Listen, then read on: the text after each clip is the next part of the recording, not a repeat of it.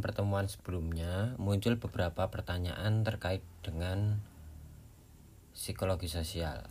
Misalnya adalah bagaimana psychological center lebih mendominasi cara berpikir psikologi dibandingkan social center. Dalam hal ini kita harus berbicara soal politik dalam ilmu psikologi. Bagaimana psikologi berkehendak untuk mendefinisikan dirinya berbeda dengan ilmu lain. Sementara itu, pada saat ini dalam kajian kontemporer mengenai ilmu pengetahuan,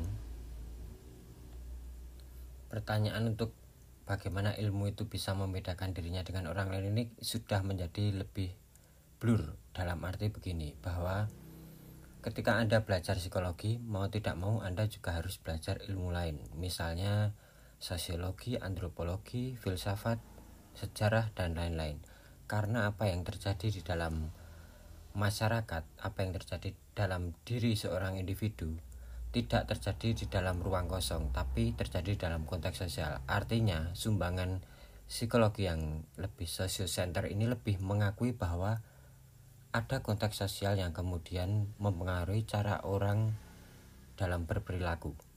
Oleh karena itu, tugas psikologi sosial bukan lagi sekedar bagaimana memahami perilaku dan mental orang yang miskin, difabel, LGBT, minoritas, atau masyarakat tersingkir lainnya, melainkan juga memahami kondisi macam apa yang memungkinkan terjadinya pemiskinan atau penyingkiran tersebut. Dengan demikian, sebagai seorang peneliti psikologi atau orang yang belajar psikologi, kita juga punya kontribusi yang jelas ketika kita memiliki keberpihakan terhadap mereka yang tersingkir. Pertanyaan lainnya adalah terkait dengan masyarakat atau kelas yang tersingkir. Mengapa psikologi sosial hendaknya lebih berpihak pada masyarakat yang tersingkir ini?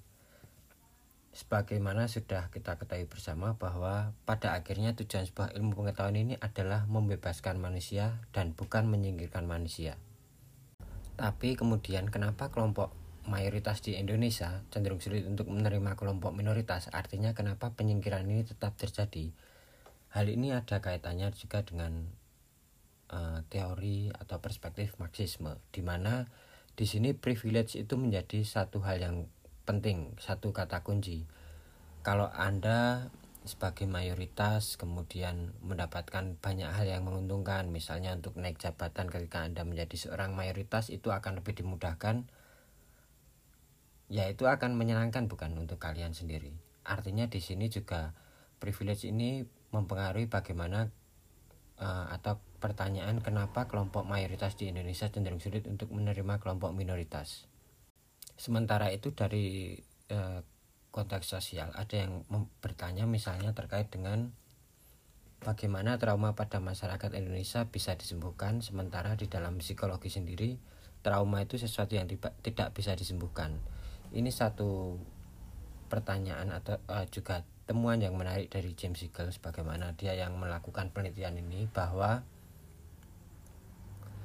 yang satu pertama ada yang uh, trauma yang kemudian digunakan di dalam bahasa psikologi. Yang kedua adalah proses traumatisasi di mana orang itu dilabeli sebagai uh, orang yang mengalami trauma. Yang ini yang kemudian sekarang banyak terjadi di dalam psikologi. Uh, kemudian orang merasa bahwa ketika seorang psikolog mendatangi dirinya terus menerus dan menganggap dia atau menempatkan dia sebagai orang yang trauma banyak orang yang melakukan resistensi bahwa kira-kira begini kenapa sih kok saya itu selalu dianggap orang yang punya penyakit seperti itu? Kira-kira seperti itu. Dan sementara itu eh, orang di Indonesia dalam konteks Indonesia secara khusus dalam penelitian James Siegel ini kira-kira mereka tidak lagi peduli dengan soal traumanya tapi lebih peduli bagaimana e, mereka melakukan coping mereka melakukan semacam apropriasi terhadap kondisi yang traumatis seperti itu. Jadi ketika mereka menolak trauma dan mengatakan James Siegel mengatakan bahwa trauma bisa disembuhkan yakni dalam konteks seperti yang sudah saya jelaskan ini tadi. Pertanyaan yang lain yang muncul dari diskusi adalah apa maksud dari gagasan DK Descartes yang mengatakan manusia berpikir maka ada cogito ergo sum. Dalam hal ini apa yang dikatakan Rene Descartes ini sangat dekat dengan psikologi yang sifatnya psychological center di mana ketika Anda sebagai manusia berpikir dan buah hasil pikir inilah yang menentukan Anda sebagai manusia dan segala sesuatu itu seakan-akan bisa dipikirkan. Misalnya begini, kalau teman-teman menghadapi ya katakanlah menghadapi sekarang virus corona ini, ketika menghadapi isu tersebut teman-teman tidak akan bisa hanya mengandalkan pikiran untuk Anda tidak terkena corona, tapi faktor lingkungan, kemudian hal-hal yang Anda lakukan sehari-hari, bagaimana Anda melakukan social distance, seperti itu juga berpengaruh bahwa Anda uh, atau membuktikan bahwa kita itu bukan sekedar pikiran semata. Ketika Anda dicubit kemudian merasa sakit, pikiran Anda tidak bisa atau tidak dengan mudah menganggap itu bukan sebuah rasa sakit dan itulah yang kemudian dikritik oleh uh, banyak orang.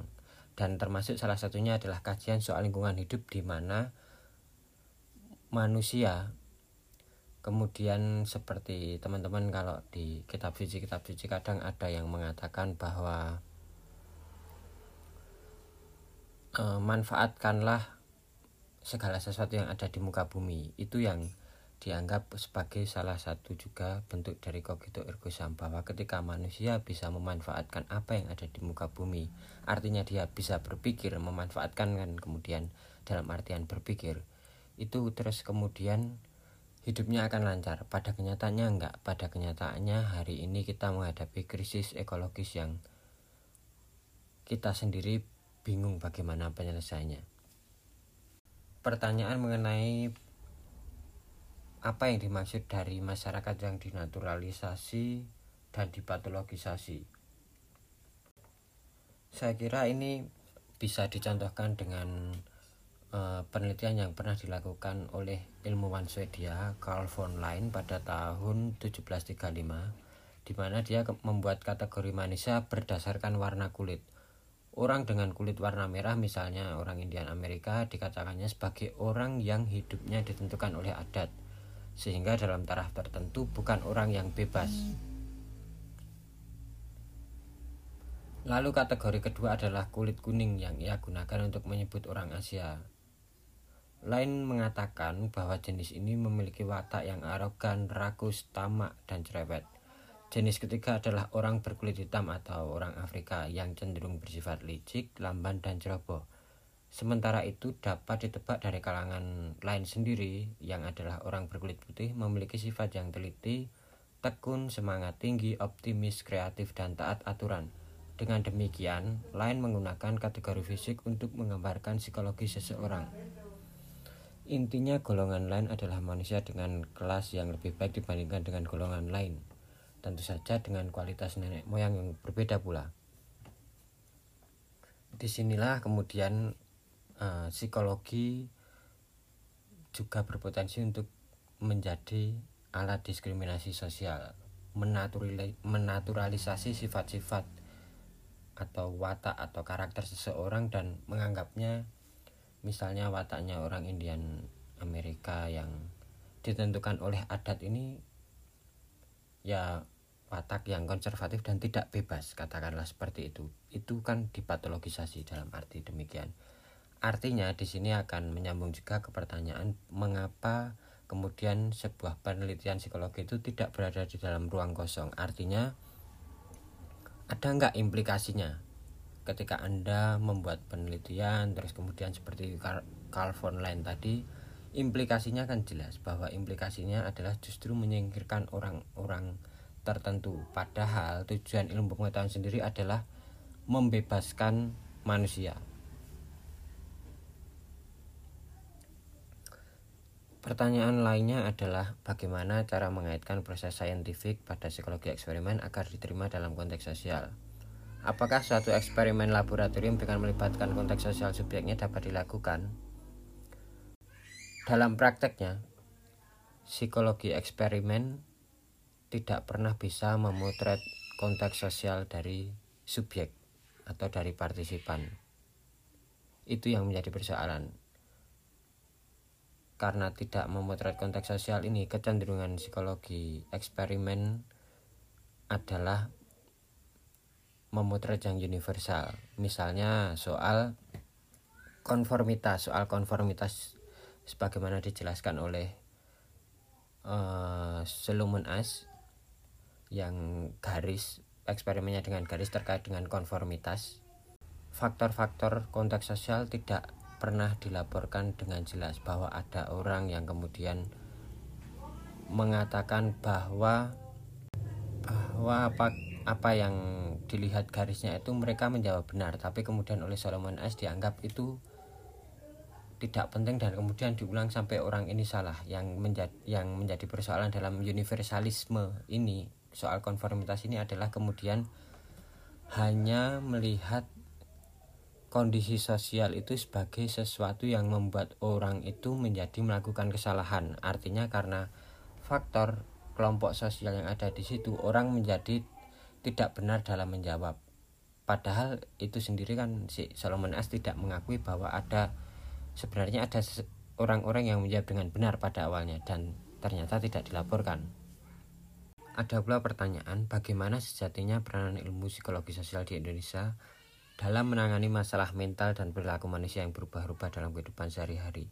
Yang menarik, kemudian di dalam sebuah ilmu pengetahuan itu terkhusus di dalam psikologi, psikologi sosial, mungkin yang paling penting adalah bukan kita membuat pertanyaan, tapi bagaimana kita bisa membuat pertanyaan itu lebih baik. Artinya begini, di dalam kasus uh, di Bali sebagaimana diperlihatkan oleh Robert Lemelson terkait dengan trauma di Bali. Ada yang membaca trauma ini atau dalam wacana psikiatri itu hanya dibaca sebagai sebuah bentuk schizofren kemudian dalam wacana adat dibaca sebagai bentuk kesurupan.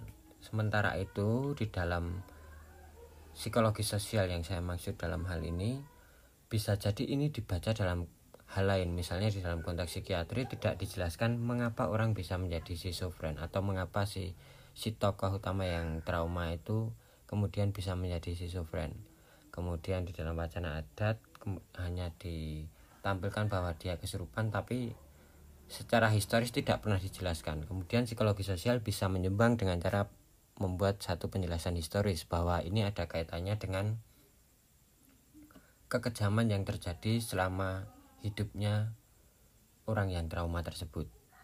Oleh karena itu, data historis menjadi satu hal yang penting dalam psikologi sosial kontemporer. Lalu kemudian ada pula satu pertanyaan yang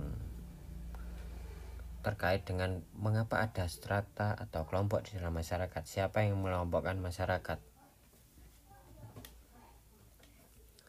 Inilah yang kemudian menjadi satu pertanyaan yang akan mengantarkan kita pada bagaimana sebuah struktur masyarakat itu bisa terbentuk. Ini pertanyaan yang sangat baik dan butuh jawaban yang sangat panjang. Kita bisa menengok misalnya pada masa kolonialisme ada pembagian soal orang Eropa, kemudian orang Indo, orang timur jauh dan pribumi. Timur asing maksud saya timur asing atau dengan pribumi. Kemudian pertanyaan siapa yang mengelompokkan masyarakat? Artinya ini ada dari pihak penguasa. Satu ada pula pengelompokan masyarakat ini terjadi dalam kultur hidup sehari-hari. Artinya ketika orang e, misalnya pecinan katakanlah pecinan ketika pecinan ini di itu meskipun itu juga berasal dari uh, aturan kolonial pada waktu itu tapi sampai hari ini masih ada yang dinamakan pecinan. Artinya daerah khusus yang diperuntukkan untuk tempat tinggal orang Tionghoa atau misalnya gitu yang ditinggali oleh orang-orang kulit hitam misalnya seperti itu. Dan dengan kita membicarakan kelompok-kelompok ini artinya kita juga sudah atau hendak berkontribusi di dalam bagaimana ilmu pengetahuan itu kemudian berusaha untuk mengakui bahwa masyarakat semua masyarakat setiap orang itu punya hak-hak yang sama bahwa penyingkiran ini merupakan satu pengalaman yang ketika seseorang mengalami itu bukan pengalaman yang mengenakan.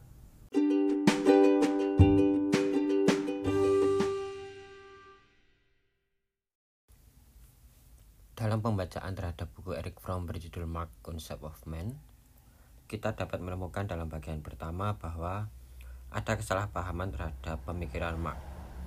Mark dianggap percaya bahwa motif psikologis manusia yang tertinggi adalah keinginannya untuk memperoleh dan bersenang-senang dengan uang dan bahwa upaya untuk memperoleh keuntungan maksimal merupakan pendorong utama dalam kehidupan pribadinya dan dalam kehidupan manusia umumnya.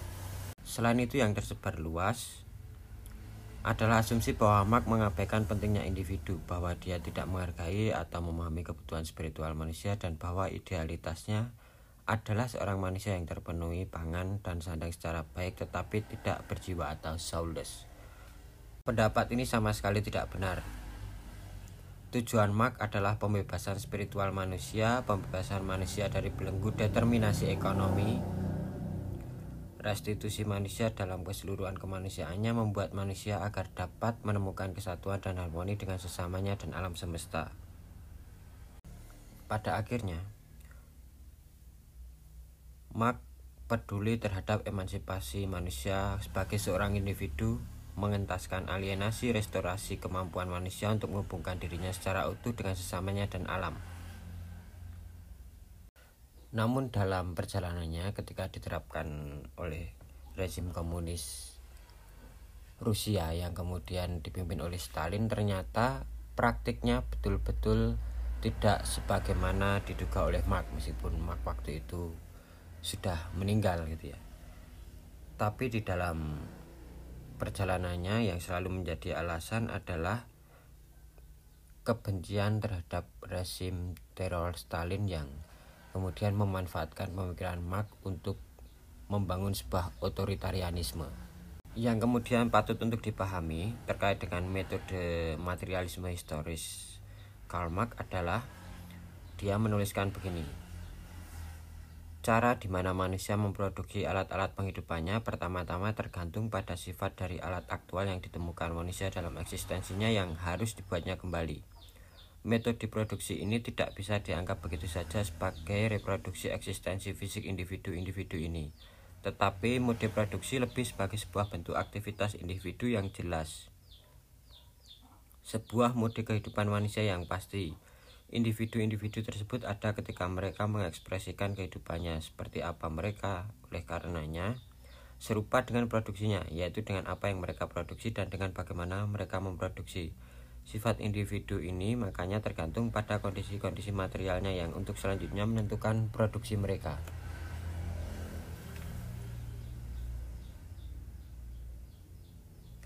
Dengan, dengan Artian yang lebih singkat begini, materialisme historis mengklaim bahwa cara manusia memproduksi menentukan cara berpikir dan hasratnya dan bukan bahwa hasrat utama manusia adalah untuk meraih materi secara maksimal. Bayangkan sekarang dalam kasus klide. Orang-orang yang melakukan klide ini kemudian setiap hari dituntut untuk bersekolah dari jam 7 kemudian sampai jam 3 atau jam 4 mereka kemudian anak-anak ini pulang sekolah dan tidak menemukan orang lain yang diajak untuk bercerita karena orang tuanya masih bekerja. Akhirnya mereka kemudian pergi dari rumahnya untuk bermain bersama teman-temannya. Dan setiap hari melakukan hal yang serupa ketika sekolah dianggap sebagai tempat seperti penjara atau sesuatu yang justru orang tidak bisa mengaktualisasikan diri dan menganggap ini tempat yang ya layaknya ya stressful seperti itu artinya mereka butuh ekspresi lain. Ketika ekspresi ini tidak ditemukan lewat cerita bersama orang tua atau dengan orang yang dekat kemudian bisa jadi ekspresi ini muncul di dalam ruang yang mewadahi ekspresi tersebut. Misalnya adalah genglide seperti itu. Atau misalnya ketika orang bekerja ini nanti akan terkait dengan alienasi. Saya pikir uh, penjelasan alienasi tidak semudah kita menyingkirkan orang lain Alienasi menurut Marx bukan hanya berarti bahwa manusia tidak mengalami dirinya sebagai pelaku ketika menguasai dunia, tetapi juga berarti bahwa dunia alam, benda-benda, dan manusia sendiri tetap asing bagi manusia. Dunia berdiri di atas dan menentang manusia sebagai objek, meskipun dunia bisa menjadi objek ciptaan manusia. Alienasi pada dasarnya melanda dunia dan manusia sendiri secara pasif dan reseptif sebagai subjek yang terpisah dari objek. Bayangkan Anda sekarang menjadi seorang uh, pencetak buku. Orang yang kerjaannya adalah mencetak buku. Ketika anda mencetak buku barangkali anda tidak punya kelekatan atau keterikatan yang kuat dengan objek yang sedang anda kerjakan yaitu buku yang sedang anda cetak ini. Anda bukan penulisnya ketika anda sebagai orang yang kerjaannya hanya mencetak buku artinya kemudian kerjaannya sangat teknis yang anda peroleh dari situ bukanlah esensi atau inti isi dari buku tersebut, tapi adalah nanti di awal bulan Anda akan mendapatkan bayaran. Dan di situlah yang jadi persoalan ketika orang mengerjakan sesuatu bukan lagi karena dia punya keterikatan dengan apa yang dia kerjakan dengan produknya ada rasa happy ada rasa puas seperti itu tapi hanya karena tujuan utamanya adalah mendapatkan uang. Itu yang kemudian oleh Mark disebut alienasi. Berbeda lagi ketika seorang penulis buku. Seorang penulis buku itu punya kelekatan yang kuat dengan isi tulisannya. Dia seperti orang yang bertinju atau bergumul dengan isi tulisannya. Karena itu uh, penulis buku ini dianggap sebagai orang yang oleh Mark itu ideal dalam arti bahwa dia mengerjakan produk yang memang dia punya keterikatan dia tidak asing dengan produknya sendiri